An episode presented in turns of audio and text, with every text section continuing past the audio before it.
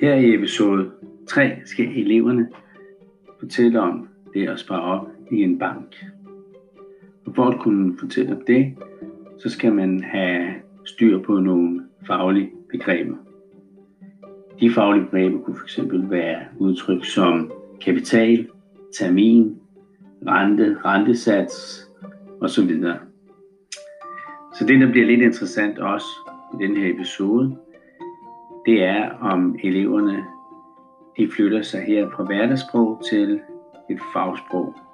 Det bliver også interessant at se dem arbejde med denne her episode, om det er noget, de kan fordybe sig i, om det er med, at de skal optage, bruge digitale medier, lave en digital produktion, er med til at motivere dem og engagere dem i et fagligt stykke arbejde inden for matematik.